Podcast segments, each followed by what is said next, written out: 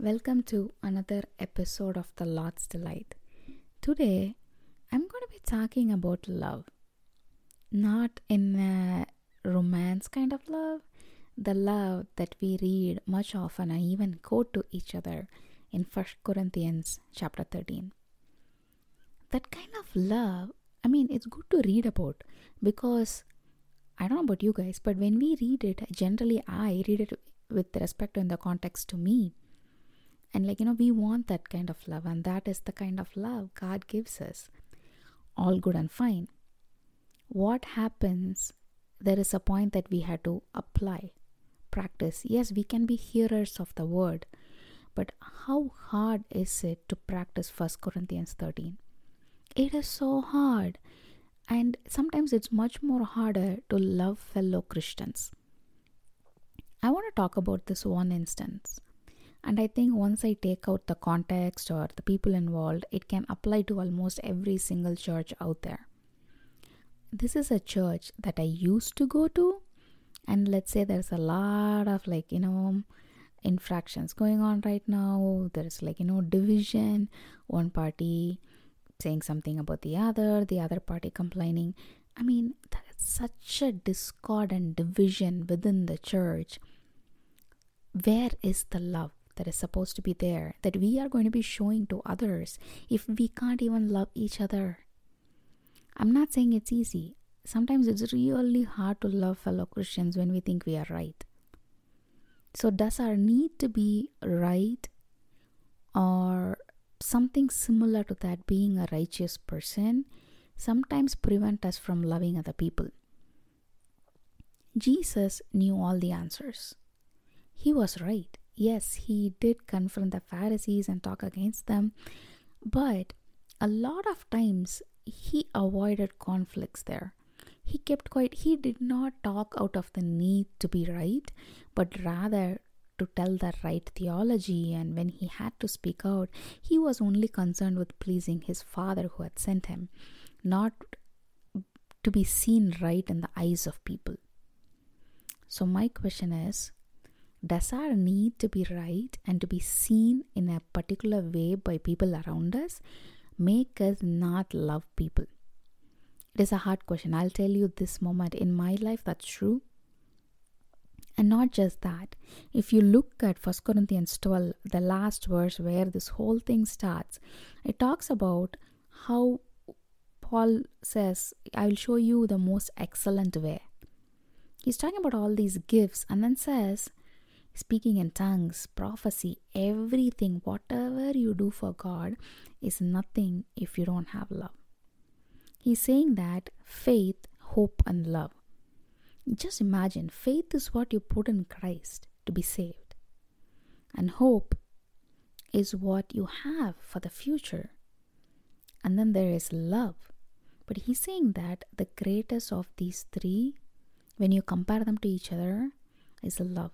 If you do not have love for your fellow people and people who are not Christians, there is no point in having any other spiritual gifts if you cannot operate out of love.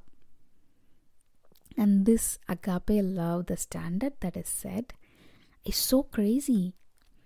If if you look at it like you know the start of the 13th chapter, if I speak in tongues of men and of angels, but have not love, I am only a resounding gong or a clanging cymbal. You're just making noise, is what he says. You might speak in tongues of not just men, but even of angels. But if you don't have love, that is just noise.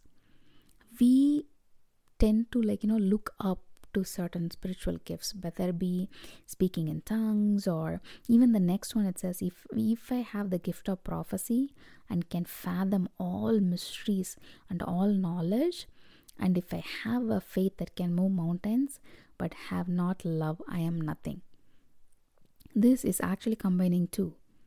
The faith to move mountains, it's a gift. It is a spiritual gift. That is something that's like without faith, it's impossible to please God. We also see that in Hebrews.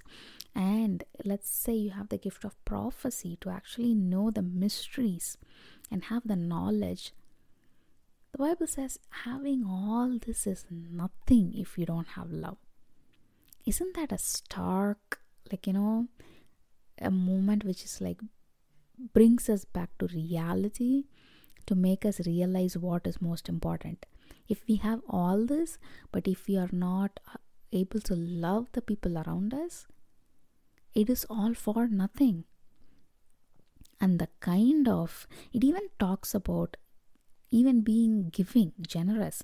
If I give all my possessions to the poor and surrender my body to the flames, sacrificially, like, you know, giving up everything, but have not love, I gain nothing. Even if you sacrifice not just your wealth, your own self, you get nothing if you don't do this in love. So, what is the intention when we do all these actions? When we say that we do that for God, do we do it from a place of love? And not just any love. The chapter says the love has to be patient, and the love has to be kind sometimes it will be like counterintuitive. How can love not be kind? But in today's world, we are exposed to so many kinds of love. But here it calls out saying one aspect of love is kindness. It does not envy, does not boast, is not proud, not rude, not self seeking, not easily angered, keeps no record of wrongs that one is really hard. Love does not delight in evil, but rejoices with the truth, always protects, always trusts, always hopes, always perseveres. Sometimes we think that, oh, that is wearing our heart on our sleeve, that is being a doormat. No. Because love can discipline too. That is exactly what Jesus did with Pharisees or his own disciples take them into oh, account. He loved them. But he was stern with them. He spoke the truth to them. But he did that.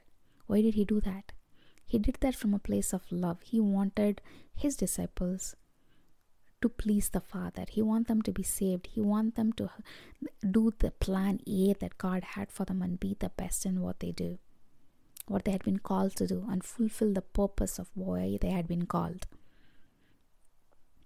So, Jesus is the epitome of love. Look at him as the example of how he treated his disciples, even after betrayal. He accepted them back with no, oh, let me check if he does this, let me give him my testing period, especially for Peter. No. And it's not easy for us to do, and guess what? We cannot do on our own. We are not called to do this on our own we need to be filled with the love of God, which needs to be poured out. It's like a pipeline. If my connection with God is not right and that pipeline is not filled, my pipeline to the other people in my life is not going to be filled because it's going to be empty. And the chapter doesn't end there. It says, Love never fails. Prophecies can cease, tongues can be stilled, knowledge will pass away. But this is what will remain, right? It, after summing up everything, the last verse, First Corinthians 13 13. And now these three remain faith, hope, and love, but the greatest of these is love. So, today, this week, is not an easy challenge, and I'm going to be doing this with you guys. So, I just ask you can you find people or areas in your life or circumstances in this one week when you come across? Can you be more loving the way that God is? It's a challenge for you and me. We'll see how this goes, and I'll talk to you guys next week. Bye.